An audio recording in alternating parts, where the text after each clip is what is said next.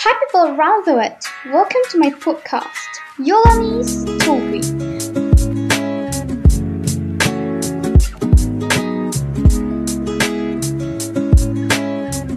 Where we talk about all random things here. Hi, it's been a week and I'm really excited to greet all of you in this episode. Finally, we meet again after a while. Things going so fast lately. But hey, this is me and in this episode, I want to share one of the story I've been read at Wattpad.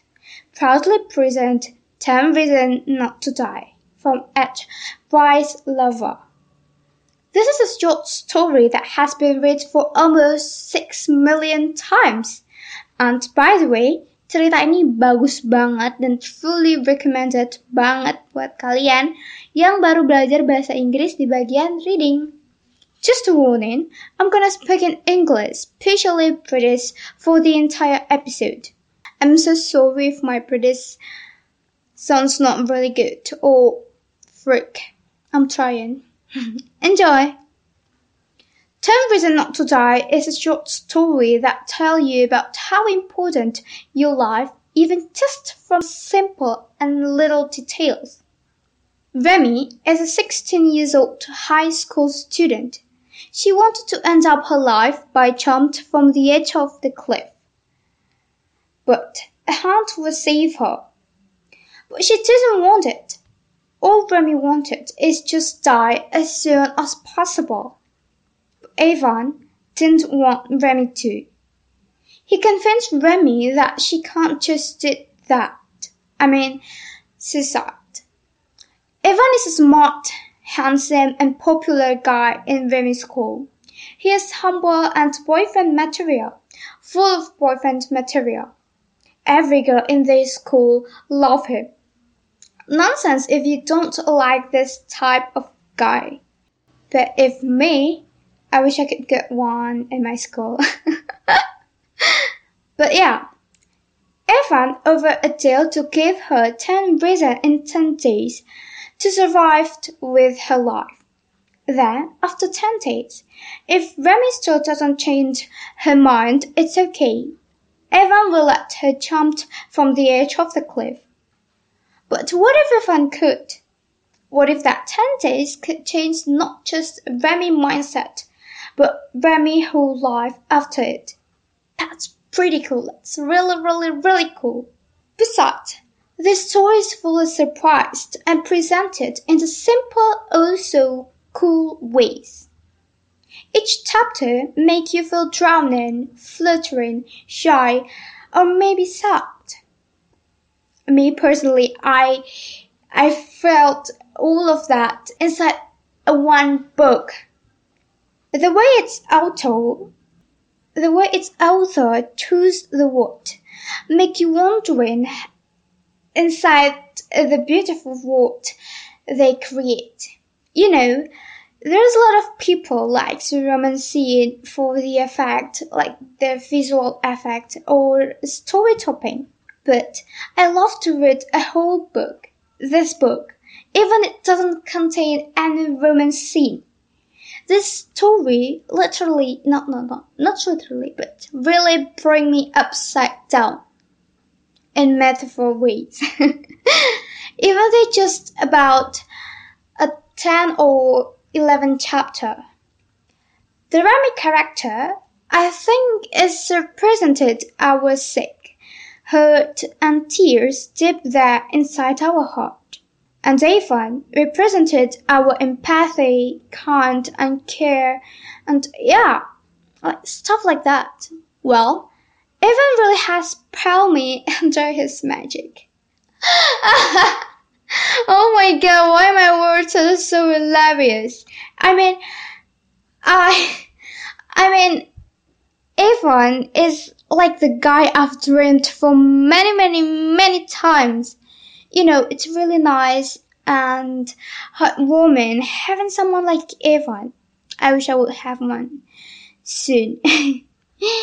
Well, also Remy, she tells me that there is a lot of problems, emotion, even truth we can't spill to everyone in our class or maybe our school, even our closest friends or society or the world. Even we're smiling widely to the world. That's like pieces, like just a little piece we can't share, cause it's hot it's really hot, too hot. But still, don't ever think that you are alone and useless. No, don't ever think about that. Cause you are not. What about this story style? Um, this story style, the word chosen to, uh, it is really light. And for you who's a beginner and want to improve your English skill at reading, you better try to read this story well. By listening to this episode, you practice and improve your English skill at listening. And you're gonna go to the story I've recommended to improve your skill at reading. That's perfect combination, isn't it? and I want to talk about a few things. A few things I got since the first time I read this story. It's like a feeling and emotion that seems like bring out my deep thought.